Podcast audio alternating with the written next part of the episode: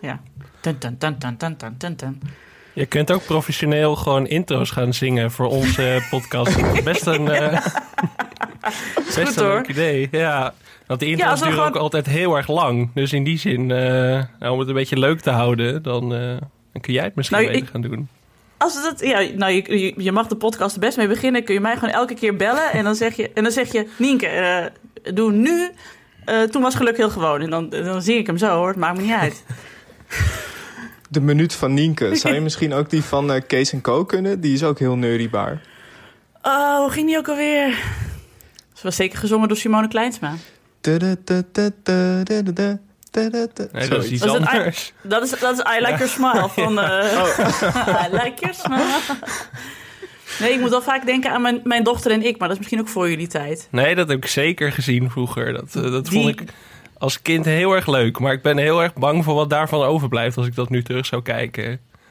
Ja, je weet dat eh, Edwin de Vries niet de meest eh, naturelle acteur ooit is. Dus ik denk dat het heel super overdreven is allemaal. Maar goed. Die moeten we wel echt een keer gaan bespreken, inderdaad. Dat is wel echt eh, Ja, ook een soort bel eh, dan voor- sentiment.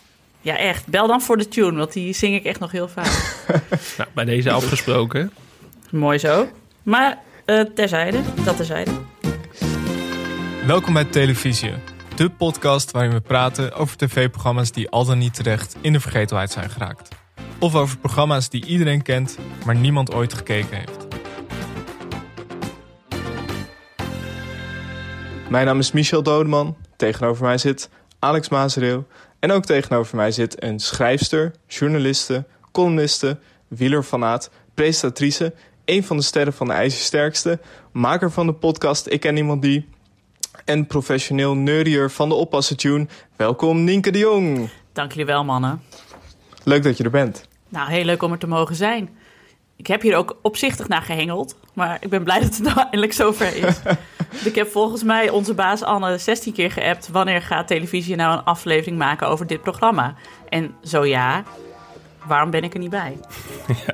Ja, we hadden dit ook ik- niet zonder ik, jou eh, kunnen doen, denk ik, eventueel. Want ehm, ja, we gaan het hebben over 12 steden, 13 ongelukken. En ik weet niet hoe dat met jou zit, Michel, maar dat was voor mij toch eh, grotendeels wel een eh, onbeschreven blad. Onbekend terrein, ja. Ja. Ik, had het, eh, ik had het ook nog nooit gezien. Nienke, voordat we beginnen, eh, ik wil heel even iets vragen. De Vuelta is op het moment van opnemen net begonnen. De Giro is nog bezig. Hoeveel uur per dag zit jij nu gemiddeld voor tv?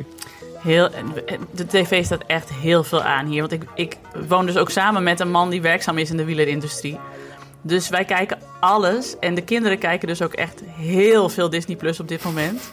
Ik ben er niet trots op, maar het is nu eenmaal zo. Want wij moeten dit doen voor ons werk, zeggen we er nou ook maar heel tijd bij. Dat heb ik geleerd van Willem Dudok van de Rode Lantaarn. Dat je gewoon tegen je kinderen moet zeggen dat je dit kijkt voor je werk.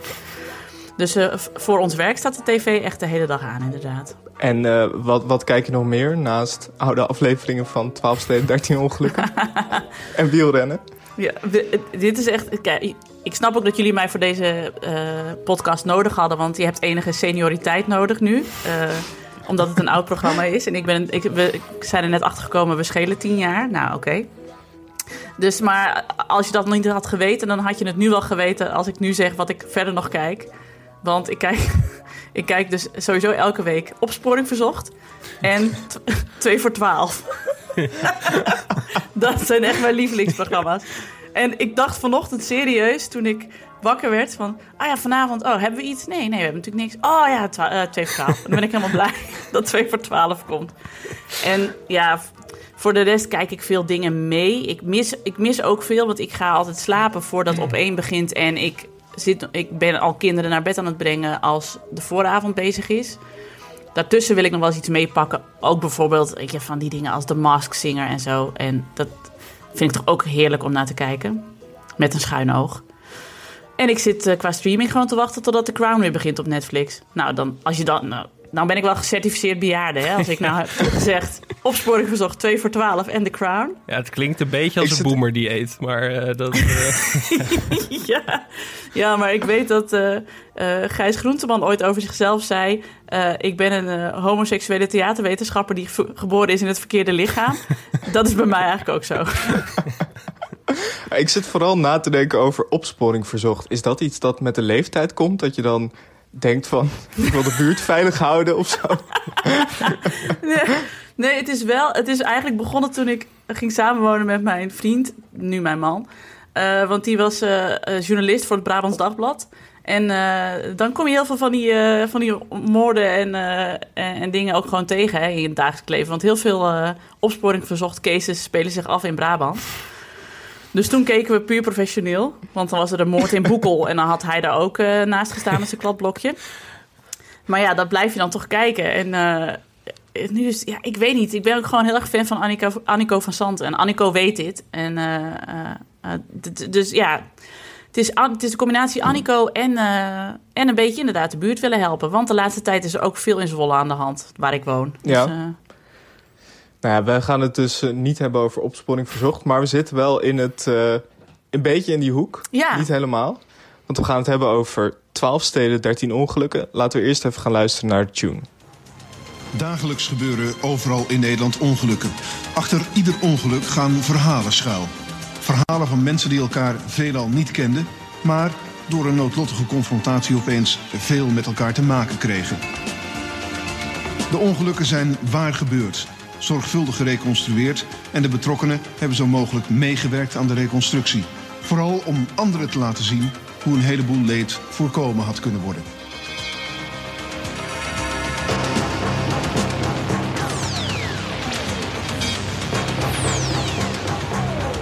Nienke, hoe zou jij eh 12 steden, 13 ongelukken beschrijven voor de leek? Ehm 12 steden, 13 ongelukken was een eh, programma van de VARA. En dat eh, was, werd mede mogelijk gemaakt door Veilig Verkeer Nederland. En in elke aflevering ehm, werd een ongeluk nagespeeld door, eh, door acteurs. Een ongeluk dat echt had, had plaatsgevonden. Soms wel een beetje veranderd, zodat de nabestaanden er niet heel erg mee geconfronteerd zouden worden.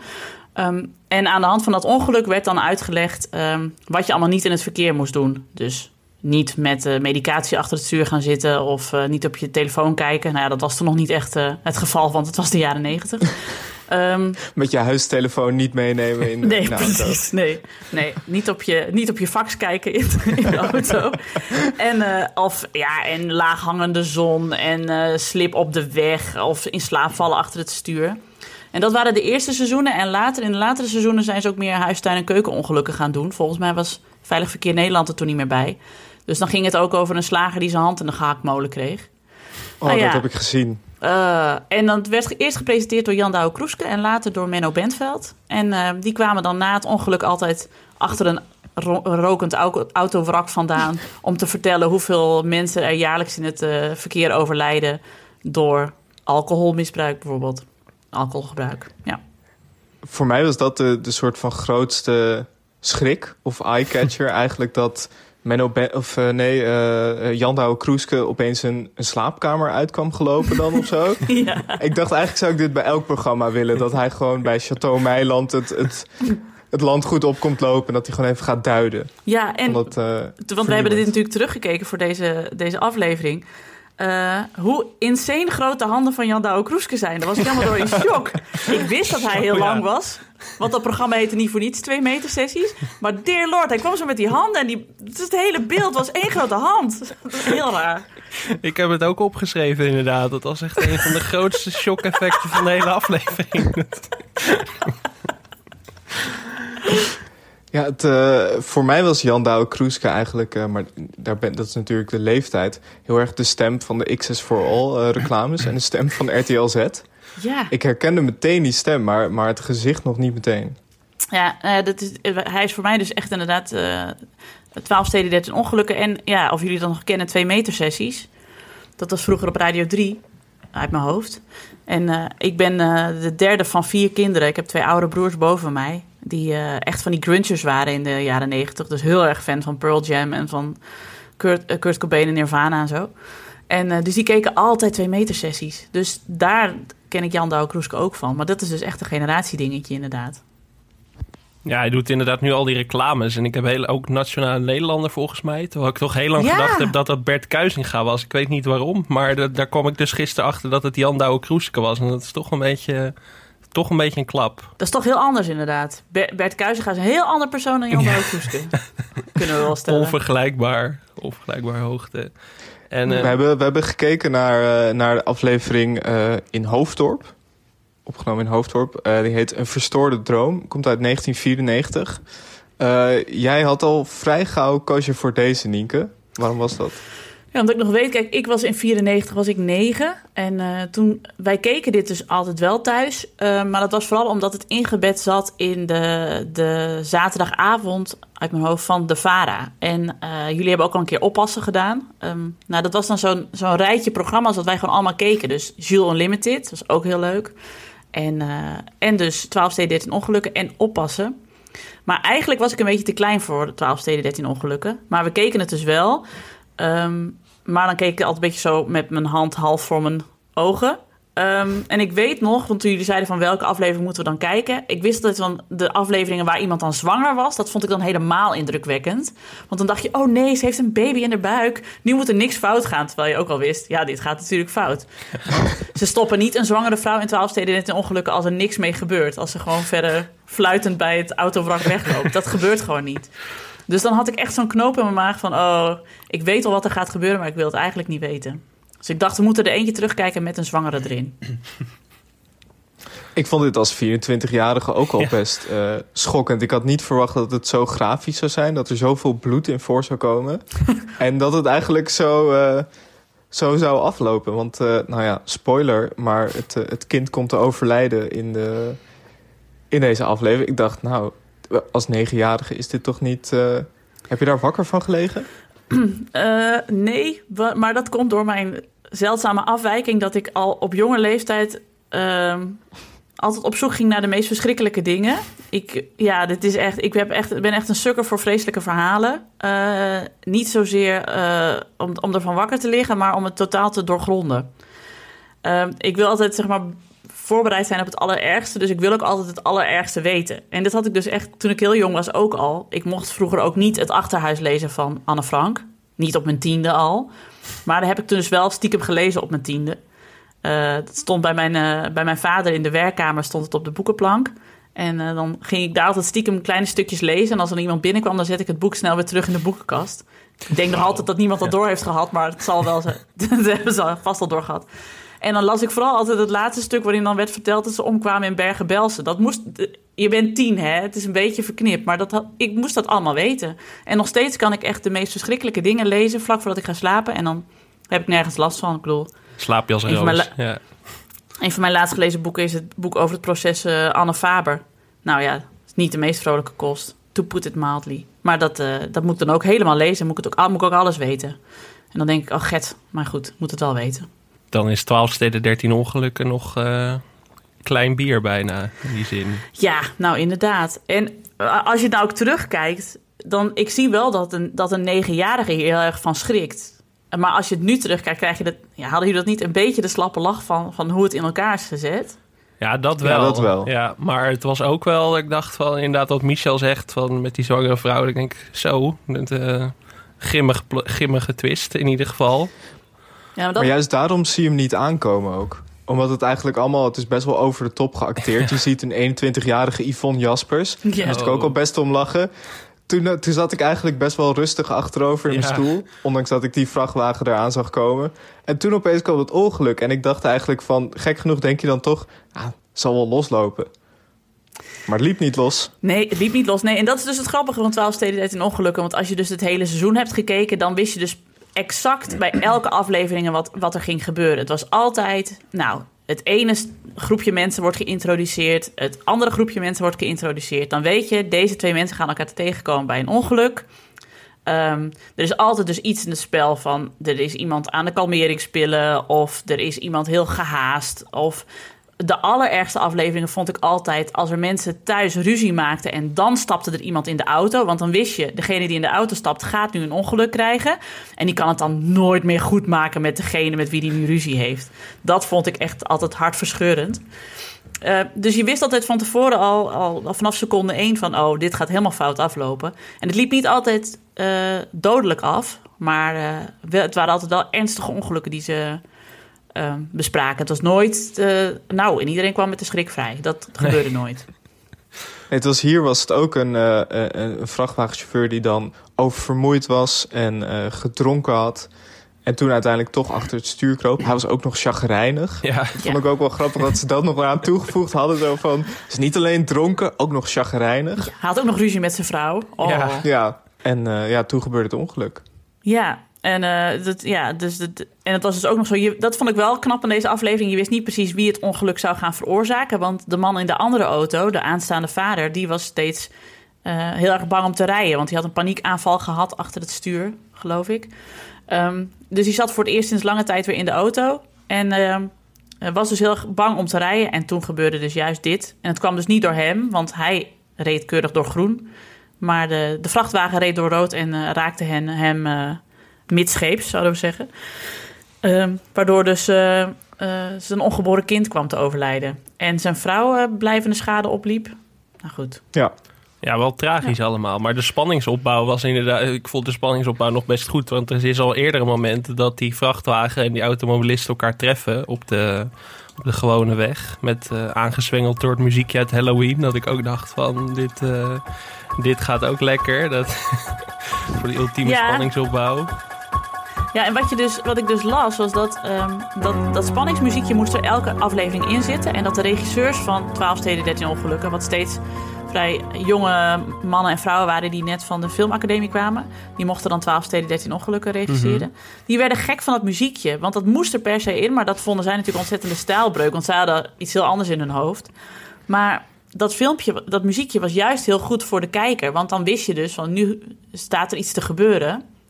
Dus dat was altijd het moment waarop mijn, mijn moeder zei gisteren, toen ik het, dit met haar besprak, zei ze: Oh ja, dan moesten jullie altijd van mij wegkijken. Want dan wist je, dan komt het ongeluk. Dus dan hoorde je dus zo. Nou, dan wist je, oh jee, daar gaan we. Nou ja, en dan bam. Ik vond het ook heel, uh, heel jaren negentig soort van gefilmd. Vooral aan het begin. Veel uh, kleur. Het was een beetje hallucinant. Ik, had een beetje, ik dacht een beetje als Uncut Gems in uh, de jaren Ja. negentig was gemaakt. Dan had het er zo uitgezien. Heel veel effectjes. Ja, die openingsscène, dat is gewoon een droom inderdaad. En die, ik dacht van, Ja. eh, bijna Ja, dan zag je ook van die, uh, van die, van die, echt van die ouderwetse, van het ouderwetse bibberende beeld. Ja. Van, oh ja, nu gaan we weer uit de droom. Wat ontzettend Bassie en Adriaan in, de, in de Europese Unie is, zeg maar. Dat is inderdaad heel erg begin jaren negentig. Ja, nee, dat klopt. Ja, Bassie Rade, dat is wel een goede vergelijking. Nee, dat... ehm, Nee, dus in die zin ja. Maar het was ook een soort van leerschool, toch, voor regisseurs. Er zijn best wel veel regisseurs daar begonnen... die later doorbraken met andere grote producties. Volgens mij Pieter Kuipers heeft geregisseerd... ehm, die Van God losmaakte en nog wat andere dingen. Eh Roel Ja. René, eh, die Michiel de Ruiter en het onvolprezen Redbad heeft gemaakt. Ehm, en Ma- Matthijs van Sander Bakhuizen heeft ook meegeregisseerd, Ja, Willem. volgens mij. Of Willem, ja, sorry, de. Matthijs is Zijn zo. vader. Ja. Ja. Ehm, Frank Ketelaar ook. Oh ja.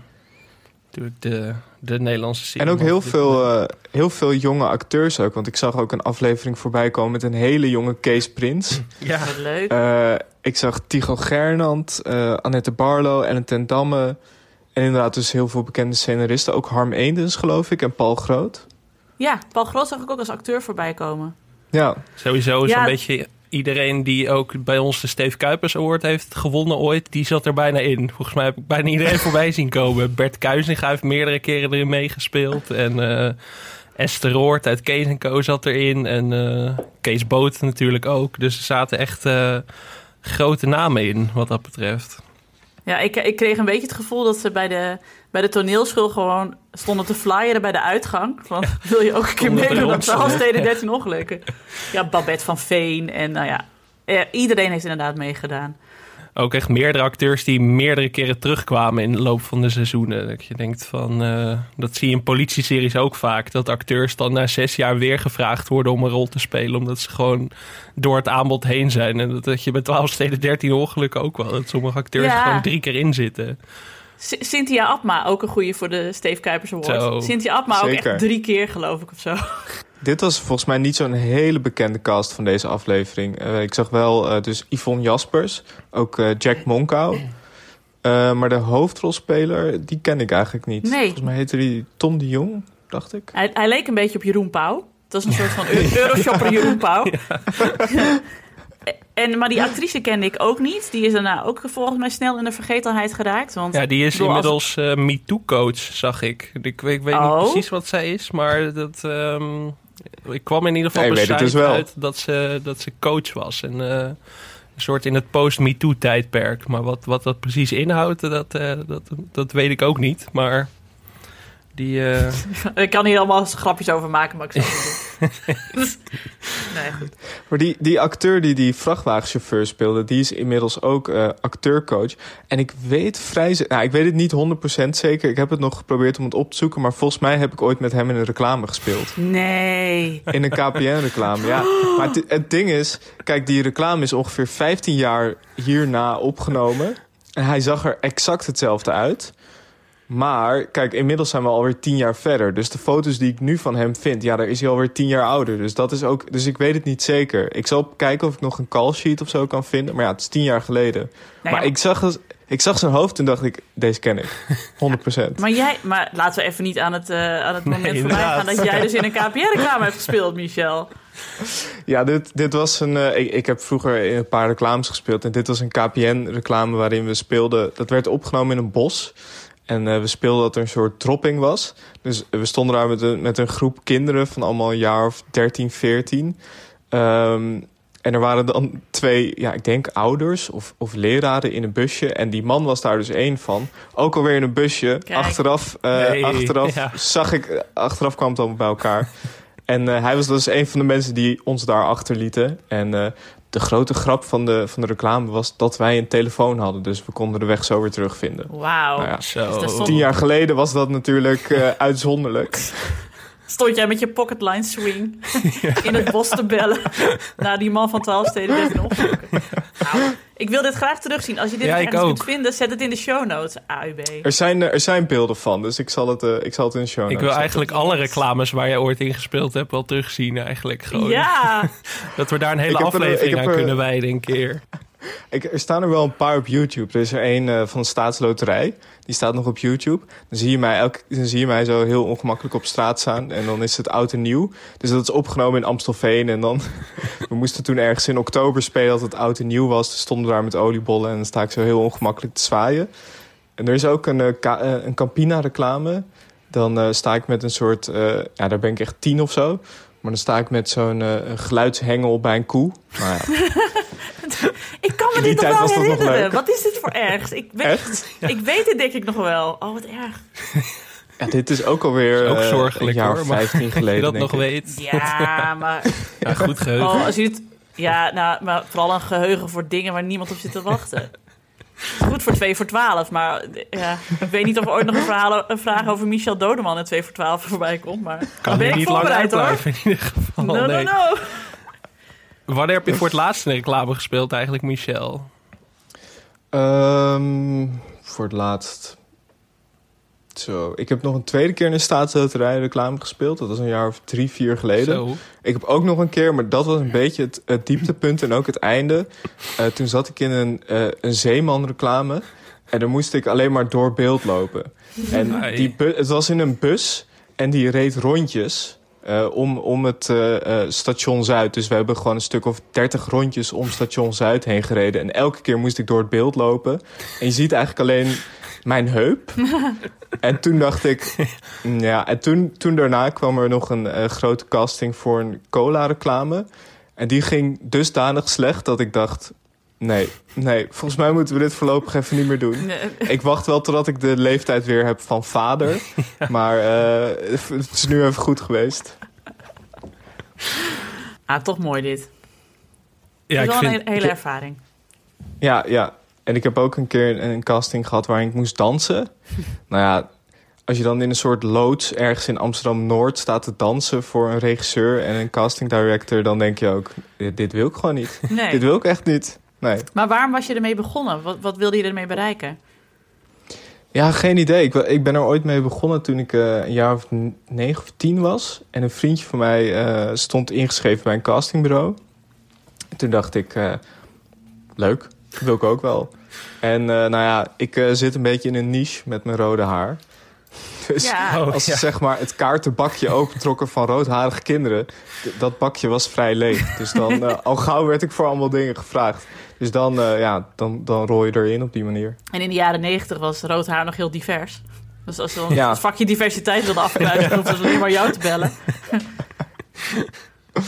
En ze maakten wel vaak zo'n overzicht. En dan hadden ze opgeschreven... we willen één kind met blond haar... één met bruin haar en één met rood haar. Maar ja, die blond en, eh, eh, blond en bruin haar, dat was makkelijk. Maar vind maar eens een roodharige Daar was je binnen. jongen Ja. van negen. Ja, Ja. ja me- mediagenieke roodharige. Daar hadden ze er één van bij K3 en voor de rest was er helemaal niemand. Maar je, je staat nog steeds wel ingeschreven, toch? Bij die programma's. Want je bent een paar een tijdje geleden benaderd door Temptation Island om daar een casting voor te doen. No! Ja, maar dat was wel zo'n algemeen ding. Volgens mij hebben ze dat naar iedereen gestuurd van mijn leeftijd. Maar Ik denk niet dat ze echt eh, op mijn Instagram hebben gekeken en dachten... Nou. hey, wie is deze hitsige roodharige van 24? misschien wel een schrijnend gebrek aan roodharig in Temptation Island. Dat, dat zou Ja. zomaar kunnen. Het is... eh, Dat wel, dat wel. Maar het gaat nu echt al ongemakkelijk lang over mij. Dus laten we het weer over 12 steden 13 ongelukken hebben.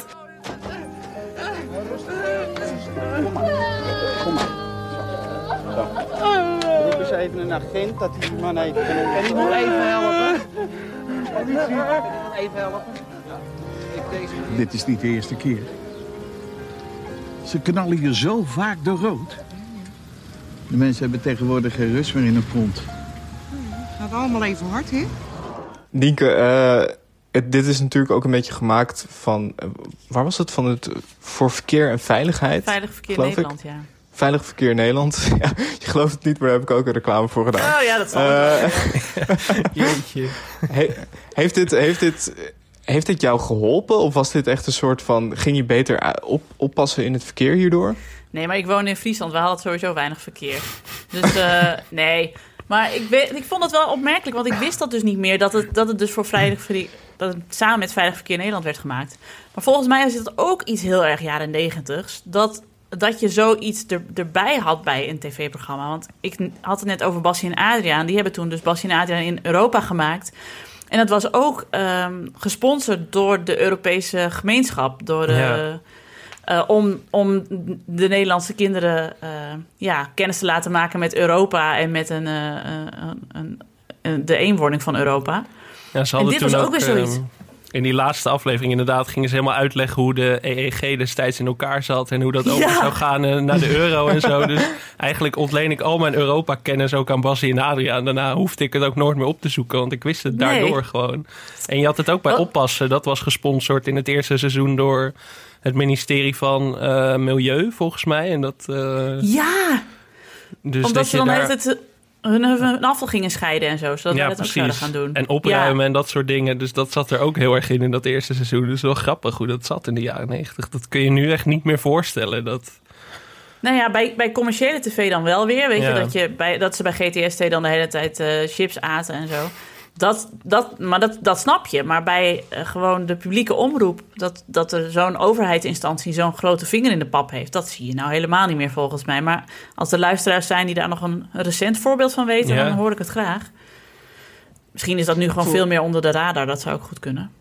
Volgens mij was het bij Spel zonder Grenzen ook, toch? Dat had ook iets te maken met de, de Europese eenwording. Mij eh, zat daar ook iets achter. En, en, en om Emmeloord gewoon wat bekender te maken. Ja. Ja, En heerlijk. Maar goed. Eh, dus dat vond ik wel heel erg opmerkelijk dat dat er, dat dat er zo in zat. Maar het heeft mij in ieder geval niet, eh, niet bewuster gemaakt. Maar ja, wat ik zeg, ik was dus ook echt heel klein. Dus eh, ik keek vooral voor wat er allemaal wel niet voor angst met mensen kan gebeuren. Want daar was ik door gefascineerd.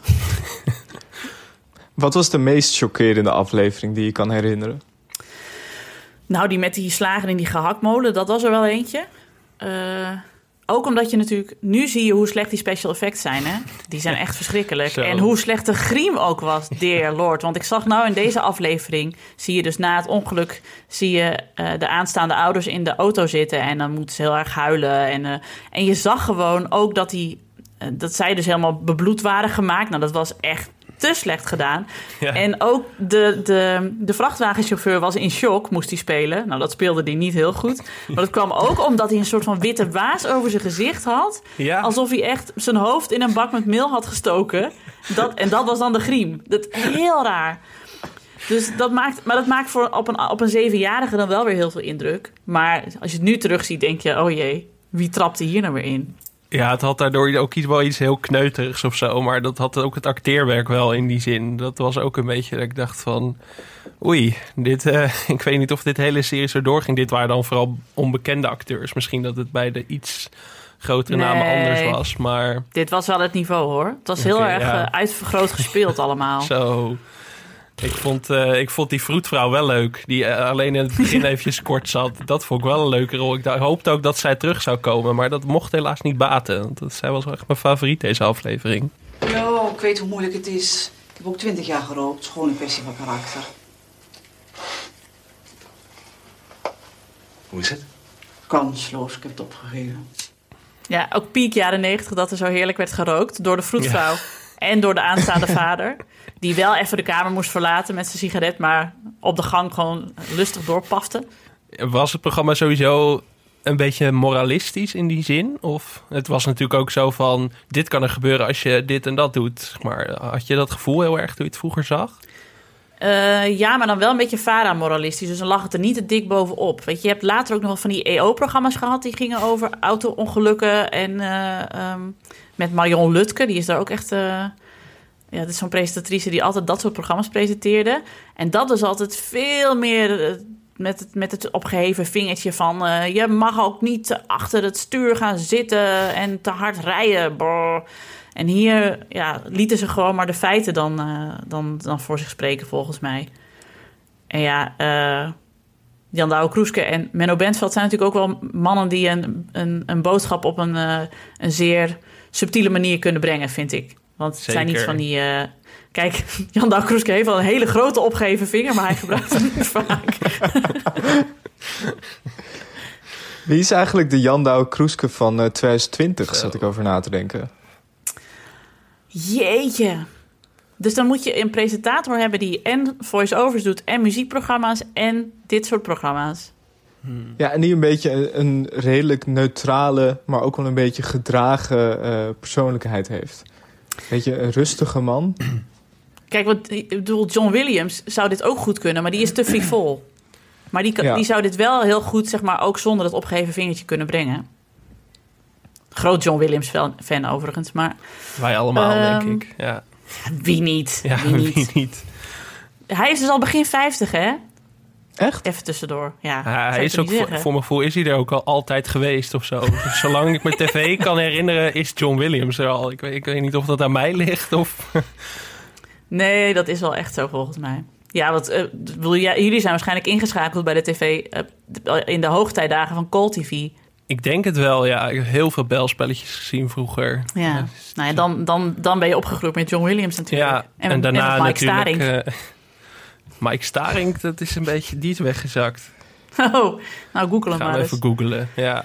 Ik denk dat Bert van Leeuwen dit ook heel goed zou kunnen. Misschien komt dat ook omdat ik hem heel erg ken in de context van dat hij huiskamers binnenkomt gelopen. en Zo. Ik- Bert van Leeuwen loopt heel veel. In zijn programma's is hij eigenlijk altijd in beweging voor mijn gevoel. Misschien dat hij daarom... Ik zie hem ook wel achter zo'n autovrak vandaan komen.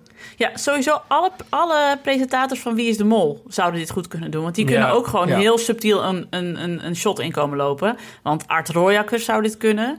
Eh, Ja. Rick van der Westerlaken zou dit kunnen.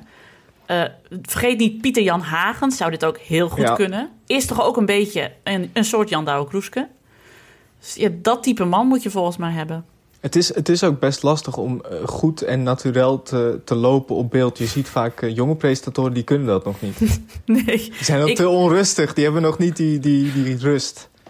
Nee maar ik, ja, jij hebt dat natuurlijk geleerd in je jarenlange eh reclamecarrière. Ik, heb, ik moest het ook nog wel eens doen. want Ik moet, natuurlijk, ik moet ook wel eens wat presenteren. Maar ik loop ook altijd het, het beeld uit alsof ik zeg maar het Pieterpad ga lopen. Weet je, echt zo met zo'n schwung zo. Ja, ik probeer het nu voor te doen. Jullie zien me op camera.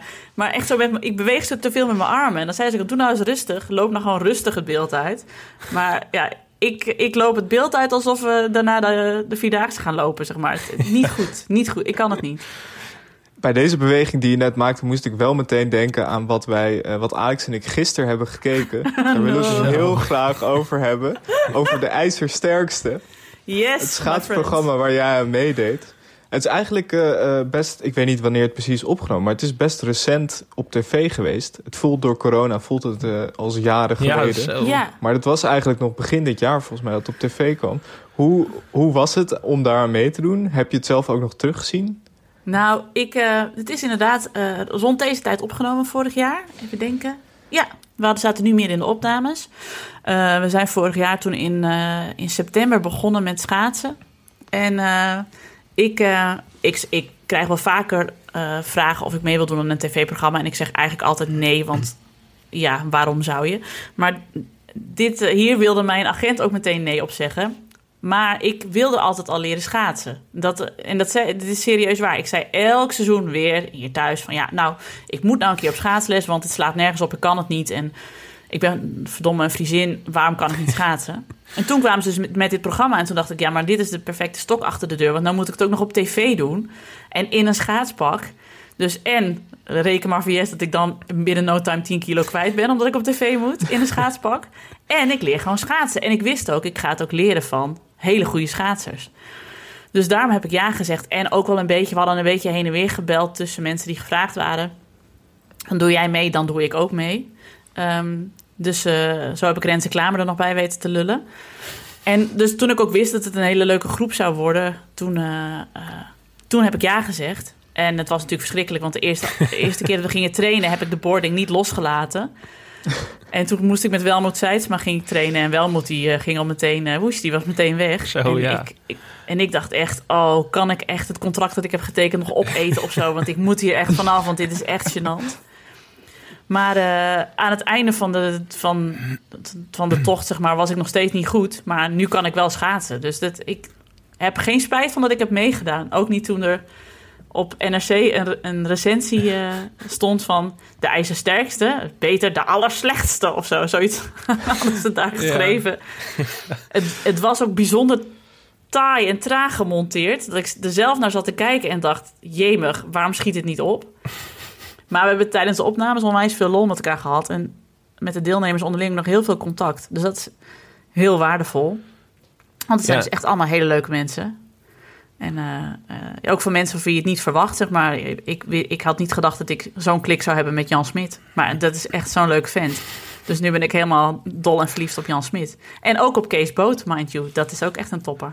Ja, zo kwamen we er ook een beetje op natuurlijk. Want uh, we hadden volgens mij een keer iets op socials gezet over Kees Boot. En toen reageerde je ook van... ik heb met Kees Boot in een programma gezeten. Nou ja, als je nog één reden nodig had om jou uit te nodigen... dan was dit het natuurlijk wel. We zijn yes. nu nog maar één...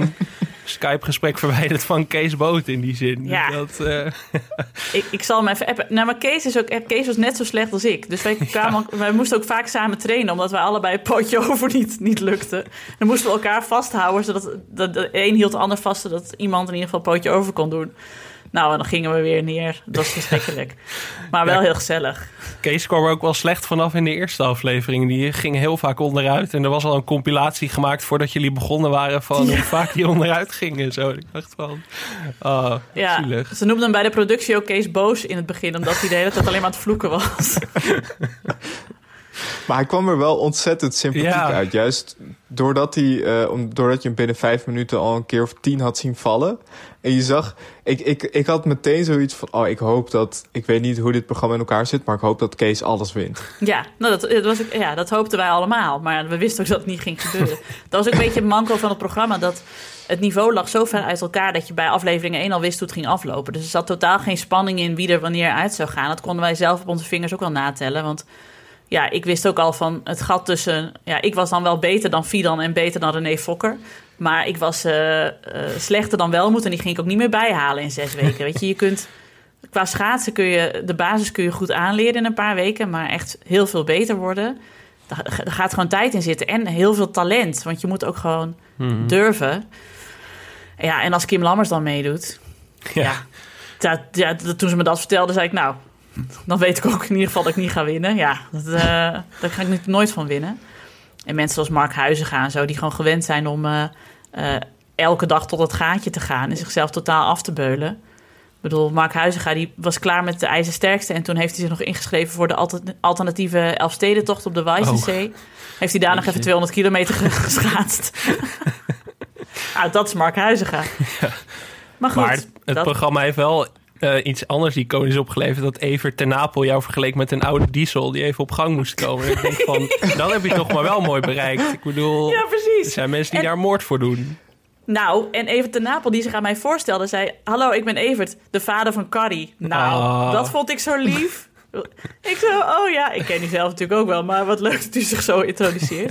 Ik ben de vader van Carrie, dat is toch te schattig. Evert, grote speler. Maar je, zei, hoor je... Oh, sorry, ga je gang. Nee, dit was ook eh, maar het laatste wapenfeit van Jan Smit, hè? Ik bedoel, eh, Jan, eh, Jan heeft nog met mij een rondje over de schaatsbaan geschaatst... toen we er allebei uitgingen. En daarna is hij eh, zijn burn-out ingeschaatst. Dus... eh wat, ja, Niet door dit programma geen toeval toch? zijn. Of, Nou, ik denk wel dat het iets getriggerd heeft. Want hij heeft. Het was fysiek heel zwaar. Want we stonden gewoon vijf dagen per week waar we aan het sporten. En hij was daarna ook nog naast gewoon super druk met allemaal optredens en opnames. En, en hij ging daar ook maniacaal voor. Want hij wilde zo graag winnen. Dat hij. Toen moest, had hij een, eh, een optreden in Duitsland. En had hij uitgezocht waar er daar in de buurt nog een schaatsbaan was. Nou, die was dan op drie uur rijden. Ging hij daar nog naartoe om daar nog een paar rondjes te kunnen schaatsen. En hij is ook op één avond, hadden we opnames... en toen durfde hij niet met het vliegtuig te gaan. Hij moest optreden in, in Zurich. En eh, moest hij terug, ging terug rijden. En dan om maar op tijd weer bij de Jaap Edebaan te zijn en zo. Dat wij echt zeiden, joh, doe even rustig. Maar hij was zo gefocust. Wat een Ja, toewijding wel. Ja. Wil je nog een leuke Enzo Knol anekdote horen? Heel graag. Sowieso. Enzo, Enzo deed ook mee. En eh, eh, wij, ik wist natuurlijk wel, Enzo is groot op YouTube. Maar wij hebben niet daadwerkelijk door hoe groot Enzo Knol is op YouTube. Je denkt dat je het weet, maar je weet het niet. Want wij, hij moest ook altijd apart trainen. Hij kon niet... Weet je, je kunt dan ook gewoon trainen op Tialf of op de Vechtsebaan in Utrecht. En dan zijn er ook gewoon eh bejaarden rondjes aan het schaatsen. En dan hadden wij daar onze training. Maar als er dan schoolklassen waren, dan kon Enzo daar niet zijn. Want dan werd hij gewoon belaagd door schoolklassen. En eerst vond ik dat overdreven, totdat ik het één keer heb gezien. En ook zag dat bij de opnames van de IJzersterkste...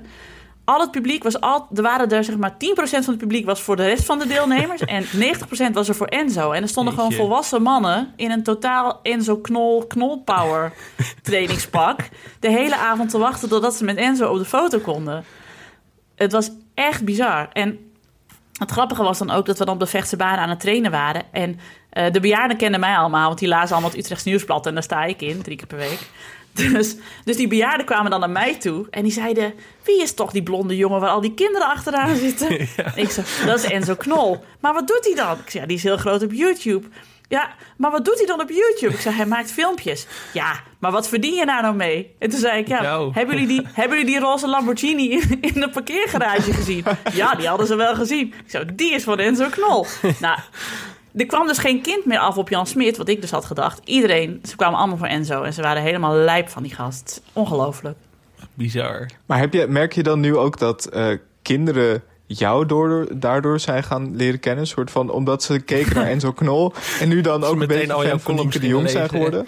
De- ik zei op de schaatsbaan, dan zei ze, want we hadden hetzelfde kleur pak aan. En toen één keer was het ook zo, kwam ik voorbij geschaatst. Toen riepen ze al, Enzo, Enzo. En toen zei, zei iemand, nee, het is niet Enzo. Toen zei ik, nee, ik ben de zus van Enzo. Maar juich ook voor mij. Juich ook voor mij. Zo, zo probeerden ze ik allemaal aan mij te binden. Maar dat is niet echt gelukt, moet ik zeggen.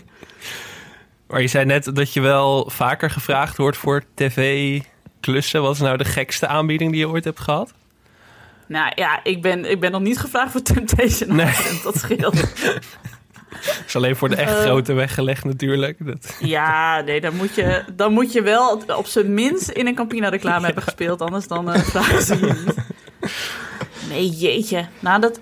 ehm, Nee, dat kan ik zo niet... eh, daar heb ik niet een hele pittige, pittige antwoord op, nee. Is er iets wat je wel heel graag nog zou willen doen, waar je nooit voor gevraagd bent? Eh, nou, wie is de mol mag altijd bellen natuurlijk. Dat is, ja, en, maar dat is dus, ja, komen er weer op. Eh 2 voor 12 heeft dus een opname of een aanmeldstop. Maar ik zit dus, dit is serieus waar, elke week te kijken op de site of je weer kunt aanmelden. Want ik, mijn broer en ik willen heel graag meedoen, mijn oudste broer en ik. Dus Mocht Astrid Joosten dit horen, Ja, please. Ik wil zo graag meedoen. Ja, was de luisteraar Astrid Joosten. Dus eh, voor de rest eh, ben ik volledig eh, gelukkig, want ik heb al heel veel mooie dingen mogen doen. Weet je, ik bedoel, eh, qua talkshows en zo. Ja, als je tafeldame bent geweest bij de Wereld Draait Door, dan dat is wel echt eh peak talkshow. En dan hoeft daarna alles is, eh, is leuk, maar dat was, dat was wel echt een droom die uitkwam, moet ik zeggen. Dus je hebt je ik hoogtepunten eigenlijk al bereikt in die zin. Op tv dan. Ja, ik kan, ik kan dood. Ja. ja. Ik heb en met Jan Smit geschaatst en ik ben tafeldame geweest bij de Wereld Door. Nou, wat wil je nou nog meer? Dan denken die deelnemers aan eh 12 steden 13 ongelukken ook aan het begin van elke aflevering. kan dood. En je gaat dood. Ja. Han Oldigs. Hey, en je... Maar je hebt, eh, je hebt aan... Oh, sorry. Nee, ga je gang. Je hebt aan, aan de heel veel tv-programma's meegewerkt. Je bent vaak te gast geweest. Is er voor jou, je noemde net al De Wereld Draait Door... is er daarnaast voor jou nog een bepaald hoogtepunt... of iets waar je echt met heel veel trots op terugkijkt? Nou, ik heb een seizoen mogen werken met Paul de Leeuw. En eh, dat programma werd heel slecht bekeken. Want het was ook op zondagavond om half elf of zo. En dat was heel hysterisch. Dus op zondagavond half elf dacht iedereen... jeetje, doe even rustig. Ehm, ik zelf ook. Ehm, maar om, het was heel leerzaam om een seizoen met, met Paul op, op te kunnen lopen. Zeg maar. En ook om te zien hoe gedreven hij is. En eh, wel heel menselijk en, eh, en lief, maar ook heel, heel kritisch. Het moet gewoon, bij Paul moet het gewoon een tien zijn. En anders dan doet hij het niet. En eh, ik weet nog dat hij toen een keer aan mij vroeg. Ik, ik ging dan steeds ook iets uitproberen of zo. Dat zat er dan ook weer in. En wilde ik. Ging ik leren dansen als Beyoncé. Ik weet niet meer waar we, hoe we daarop kwamen, maar dat hadden we bedacht. Dus ik kreeg les van Lucia Martas. En toen wilden ze ook, hadden we een filmpje over gemaakt, maar hij wilde ook dat ik dat in de, eh, in het, eh, in de aflevering zou laten zien, of eh, in de studio. En dat wilde ik niet. Ik was op dat moment al zwanger van onze dochter. En ik was, dus, ik was super buiten adem de hele tijd. En ik was ook hartstikke hormonaal. En ik moest overal huilen. En ik vond dit al heel wat. Ik dacht, ik wil niet op tv me voor gek zetten... omdat ik geen adem heb en dit dansje helemaal niet kan. En toen werd hij dus heel kwaad op mij. eh, want ik wilde dat niet. En ik, en maar het was dus echt tijdens de ehm, eh, doorloop dat ik zei: Nee, nee, ik heb iets anders bedacht. Dat gaan we doen. Nee, hij zei: Je moet gewoon dansen. Hij werd heel pissig. En toen, ik, en toen, zei, toen liep hij naar me toe en hij deed zijn oortje uit en zei: Wat de fuck is er met jou aan de hand? En ik zo: Ik ben zwanger. En hij, en hij zo: Oh, gefeliciteerd. En toen kreeg ik hem zo, kreeg ik zo helemaal Paul de Leeuw om me heen. En Oh, wow. dikke zoenen. Gefeliciteerd. Nee, ik zal het nooit aan je vragen. Ik zal het nooit meer vragen. Echt heel lief. Dus toen onze dochter geboren werd, toen kregen we zo'n soort van sapcentrifuge waar je dan babyhapjes in kon maken. Van Paul. Het was het eerste cadeau, letterlijk het eerste cadeau dat, dat werd gebracht. En eh, daar maak ik nu nog steeds hapjes in. En dan denk ik elke keer weer aan Paul en aan Ah. hoe leuk die tijd was met hem. Ja, want je, je hebt ook meegedaan aan de slimste mens natuurlijk. Je bent tweede geworden, toch? Volgens mij. Ik weet niet of ik nu een open, ja. open zenuw raak, maar... Nee, maar ik ben een Joop Zoetemelk van de slimste mensen. Ik ben twee keer tweede geworden. En in een reguliere seizoen en in een jubileumseizoen dat ze hebben Oh, ja. gemaakt met allemaal slimste mensen, was ik weer tweede. ja. Ja, dat was toen ook met de beste appspelers, toch? Dat seizoen. Ja, ja, dan mochten mensen zich opgeven inderdaad. Ik weet toch toen ik heel hardnekkig geprobeerd heb om het toen te halen, maar ik eh, kwam niet eens in de buurt volgens mij. eh. Want, eh, Ah. het is wel een droom voor ons natuurlijk, Michel, om ooit mee te gaan doen aan de slimste mens. Dus ik wou je nog vragen naar wat je tip is in dat opzicht. Ik, dan eh app ik eh, zo meteen even naar de redacteur. oh, Want die, re- die redacteuren, ja, maar die redacteuren zitten altijd nog een beetje, die appen nog vaak van, weet je nog mensen voor het nieuwe seizoen? Ehm, eh, en dan kan ik al wel eens wat mensen doorgeven, wat hartstikke leuk is. En wat me ook een keer een avond gin tonics heeft opgeleverd, want een paar seizoenen geleden zei ik, nee, je moet Roelof de Vries vragen van eh, Radio 1 en van de Krokante Leesmap. Ik zei, vraag hem. Hij zegt ja en hij gaat winnen ook. En als hij wint, wil ik een avond gin tonics drinken. En natuurlijk won hij op zijn sloffen, want Zo. Roelof is Ja. de, de gast met de allerbreedste algemene kennis die ik ken. Ja. Met wie ik ook heel vaak pubquiz heb gewonnen. Dus ja, dat was een appeltje eitje voor hem. Ja, dat was bizar. Ja. Hij won echt met, met een overmacht eh, die je zelden zag, inderdaad. Dat is echt bizar. Ja, maar je kunt Roelof alles vragen van het Higgs-deeltje tot aan het complete oeuvre van Rita Hovink. Hij weet, dat weet hij allemaal. Dit is echt waar. Dus eh, ja, ik ben blij dat ik Roelof dat opkontje heb weten te geven. Maar dat doe ik ook graag voor jullie, dus ik zal jullie naam even doorgeven. Ik ga het En oeuvre wie van Rita. Hovink meteen, eh, meteen uit mijn hoofd leren de rest van de dag. Nee, Worst, worstjes op een... Nee, laat me alleen, alleen met al mijn verdriet. Dat is... eh, zeker. Dat, Roelof zou, Roelof zou ook een hele goede gast voor deze podcast zijn. Want hij weet waarschijnlijk alles van alle jaren televisie. Dus we kunnen eigenlijk in theorie elk Alle programma met hem programma's. bespreken. Ja, want hij- hij heeft een site gehad. Ik weet niet of hij nog in de lucht is. Die heet Licht uit, Spot uit. En daarin heeft hij eh, allemaal mensen, nou ja, de Han Oldigs van deze wereld, opgezocht op eh, van mensen die van tv zijn gegaan. Wat ze nu doen. Oh ja. Dat weet hij allemaal. Van Judith de Bruin en dat soort mensen. eh, ja. Mike Starink. Dus eh, ja, je, je kunt hem ook gewoon bellen voor een vaste rubriek. Hoe is het nu met die en die? Want hij weet het van iedereen. Oh, de site is nu, we zegt, wij zijn aan het onderhouden. Dus die is niet Ah. meer eh, in de lucht. Het is nog wel een Twitter-account. Maar die... eh, Ik zal het eens aan hem vragen of hij het nog een keer online kan slingeren. Want het is echt een leuke site. Dat is, klopt inderdaad. Hier, vijf voor elke tafel. En de groetjes van de bloemenman. Hij wilde weten hoe vaak je vriendin jarig was. Leuk. We zagen in deze aflevering trouwens ook een, eh, een hele jonge Yvonne Jaspers. Eh, deed dat je nog wat, emotioneel gezien? je bent natuurlijk een boerzoeksvrouw-kenner, Ja, eh, liefhebber ook. ja, ik vond het dus heel grappig. Want je ziet haar dus ook super overdreven acteren. Het is ook echt totaal niet natuurlijk, die zes zinnen die ze heeft. Ja, echt een 21-jarig Brabants meisje. Ehm, ja, ik vind het eh, wel heel grappig dat je weet... oh ja, zo is zij begonnen inderdaad. En toen kwam ze bij Klokhuis en toen was iedereen mega fan van haar. Eh, nou mijn broertje heeft ook meegedaan aan Boer zoekt vrouw. hè, Dus die kent haar eigenlijk beter dan ik. ik eh, maar hij, is, hij, kan heel goed met haar opschieten. Ze is voor de kandidaat van Boer zoekt vrouw echt steun en toeverlaat. En heel attent. Dus dat wist ik ook niet, maar dat weet ik nu. Ik, heeft zij eigenlijk later nog veel geacteerd? Of acteert zij nu nog? Ze heeft in Rozengeur en Wodka Lime had ze een rol. Dat weet ik Ja. nog. Volgens mij is dat het laatste wat Ja. ze geacteerd heeft. En eh, ze zat ook, in- eh, hoe heet dat nou ook weer? Ik zoek het wel even op. Ehm, Babs? Knof? Kno- eh, knofje? Ze speelde ooit een Ja, Knofje. Yvonne Ja. Jaspers lookalike, zie ik hier. Ja, in Knofje zie ik haar ook nog wel eens voorbij komen als mijn kinderen dat kijken. Was zij de Ah. moeder daarin of zo? Of wat was dat Ja. ook alweer? Dat, eh, heel ver, heel... Alex, hoe weet jij dit? Ja, dat- Je hebt toch geen kinderen? geen idee. Ja, dit is uit 2001, dus het kan goed zijn dat ik dit vroeger wel eens gezien heb. Maar nee, als ik het zo lees, dan... eh, Nee, maar er is nu ook weer Knofje, toch? Zie ik hier. Ja. In eh, 2018, 2019. Ja, ze hebben het nu een beetje verstript, maar dan hoor je nog steeds de stem van Yvonne. En haar hoofd Ah. zie je ook nog. Het is wel grappig gedaan. Heb jij eigenlijk wel eens eh, geacteerd? Ja. ja, eh, in een toneelstuk van de Frieske Krieten Bodegraven. zo. Jullie weten niet wat... Ja, dat is de Friese, Friese vereniging in Bodegraven. En eh, toen was ik een... Ja, waarom heb ik dit gedaan? Maar ik was toen student in Utrecht en ik werkte in een bejaardentehuis. Wie is er verbaasd? Niemand. Ik paste daar perfect tussen. Eh, lekker met al die bejaarden opsporing verzocht doornemen. En, maar mijn baas, mijn baas die zat bij de Friese Krieten Bodegraven... en die wist dus dat ik Fries was en dat ik Fries kon spreken. En toen hadden ze een klein rolletje en zei ze... wil je dan een paar keer meedoen?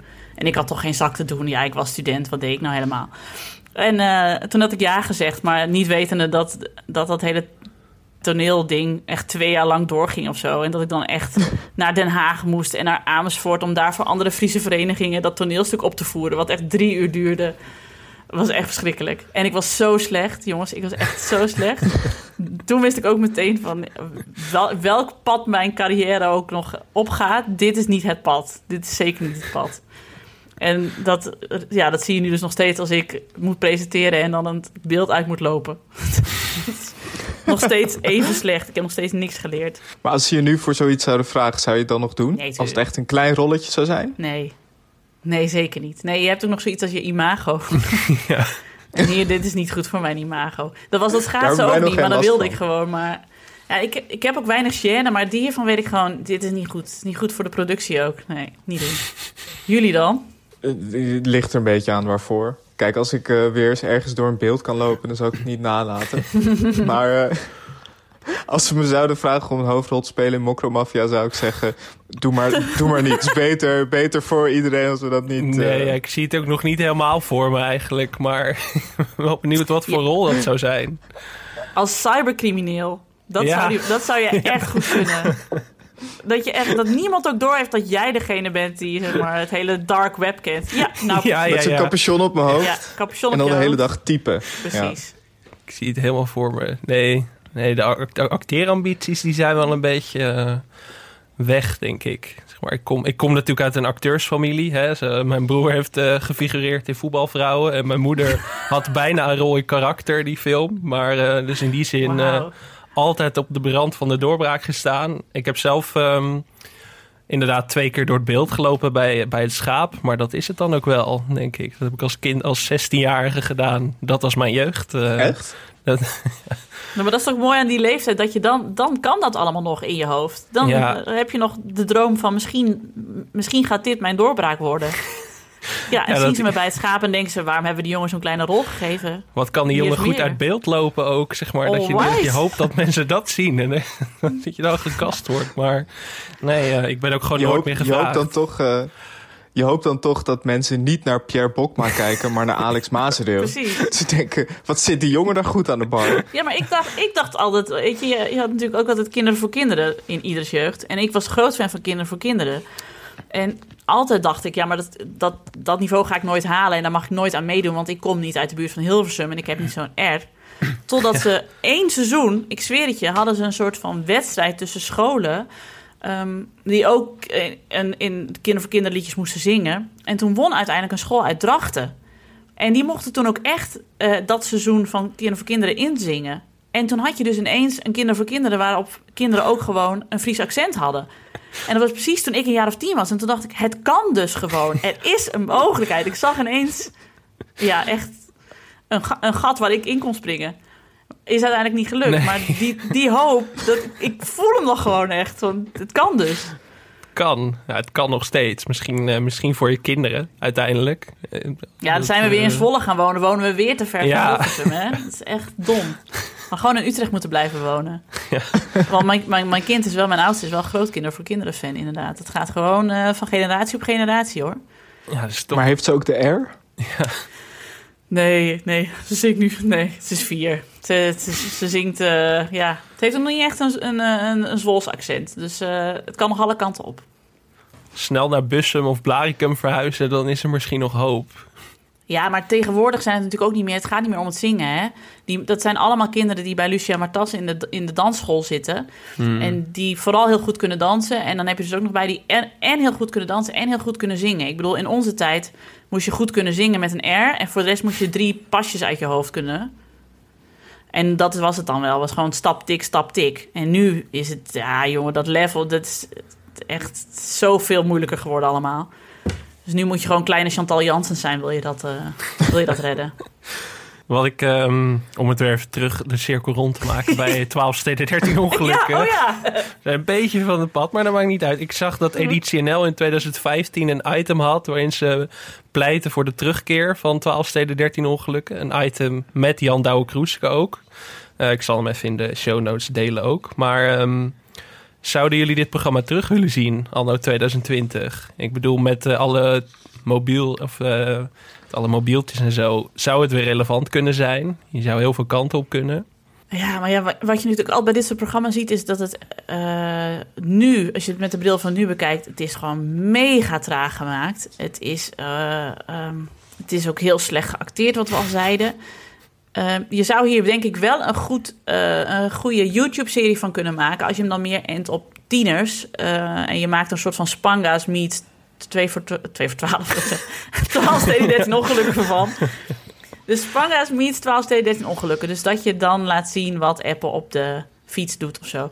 Maar het, het ligt er natuurlijk bij 12 steden 13 ongelukken ook heel dik bovenop. En ik denk dat dat kinderen ook weer echt zou eh, afstoten van... oh jeetje, daar komt dat eh, moralistische gedoe weer. Ehm, dus ik weet niet of dat nu nog zo, zo goed zou werken voor tv. Ja, toen waren we nog, meer, nog ontvankelijker voor dit soort eh, preken, denk ik. Ja, en het gevaar is natuurlijk ook dat alleen eh, oude mensen dit gaan kijken. Niet per se de doelgroep misschien nu van het programma. Tenminste, als je het in de vorm van toen inderdaad zou terugbrengen... dan vrees ik dat je niet heel veel nieuwe doelgroepen gaat aanboren. Tenzij, eh, tenzij echt jonge acteurs of zo gaat casten die populair zijn of zo. Dan, dan misschien nog. Maar ja, het idee is inderdaad dat ze gaan ronselen bij toneelscholen. En daarmee ga je geen nieuwe kijkers winnen, denk ik. Nee, en wat je dus wel ziet is dat natuurlijk eh, true crime podcasts en zo heel erg eh, eh, populair zijn. Dus een, Mhm. een podcast waarin zeg maar dit soort dingen worden besproken en dit soort ongelukken worden nagesproken en ook wat de juridische nasleep is en hoe wie er verantwoor- eh, wie er schuldig is en dat, dat zou nog wel eens interessant kunnen zijn, denk ik, voor nerds. Maar, maar nee, dit nee, ik denk niet dat dit meer werkt. Met, met die prachtige stem van eh, Jan Douwe. Kroeske. Maar Het echt, zou wel werken. Ja. een supergoeie podcaststem. Een 12 steden 13 ongelukken podcast. Ja, Ja, Ja, en, Menno Bentveld trouwens ook hoor. ja allebei gewoon. Ze kunnen het samen doen. Ja. Menno Bentveld heeft ook echt een hele goede stem. Dus in die zin zou dat echt perfect samengaan. Ja, en ik moet wel zeggen dat 12 steden 13 ongelukken wel het begin is voor een, van, bij mij van een levenslange crush op Menno Bentveld. Nog steeds als ik hem dan bij, bij Vroege Vogels zie, denk ik, oeh, Menno Bentveld. Dat is gewoon, dat is gewoon nog van, van 12 steden 13 ongelukken. En van Jules Unlimited, wat hij toen ook presenteerde. Het is gewoon echt, hij is mijn jeugd.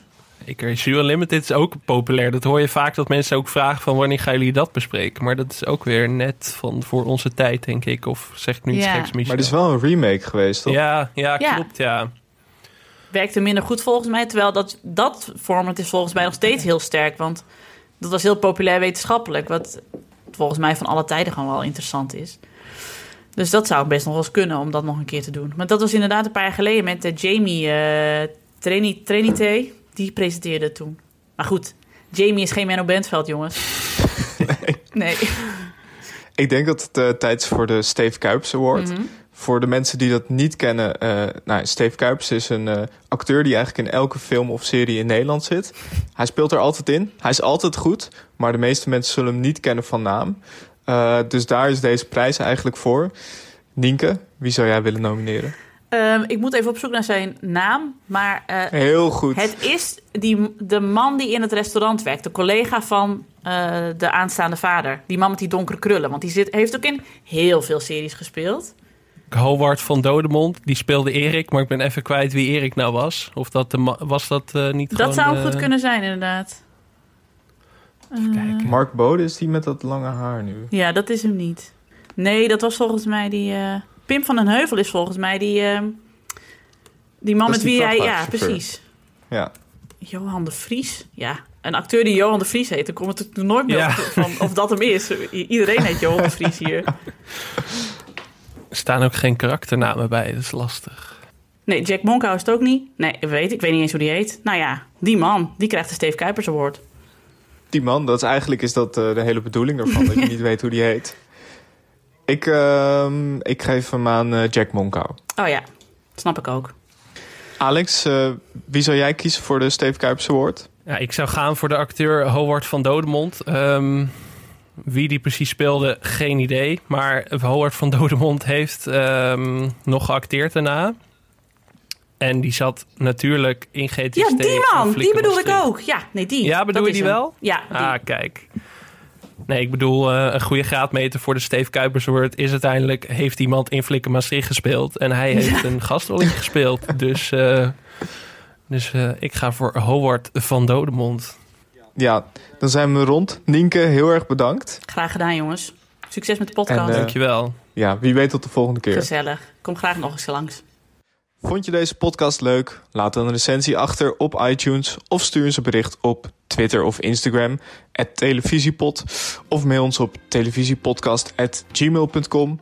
Veel dank aan Dag en Nacht Media, aan Studio Cloak voor de tune, aan Weidse Valkma voor de illustratie en natuurlijk aan onze gast Nienke de Jong.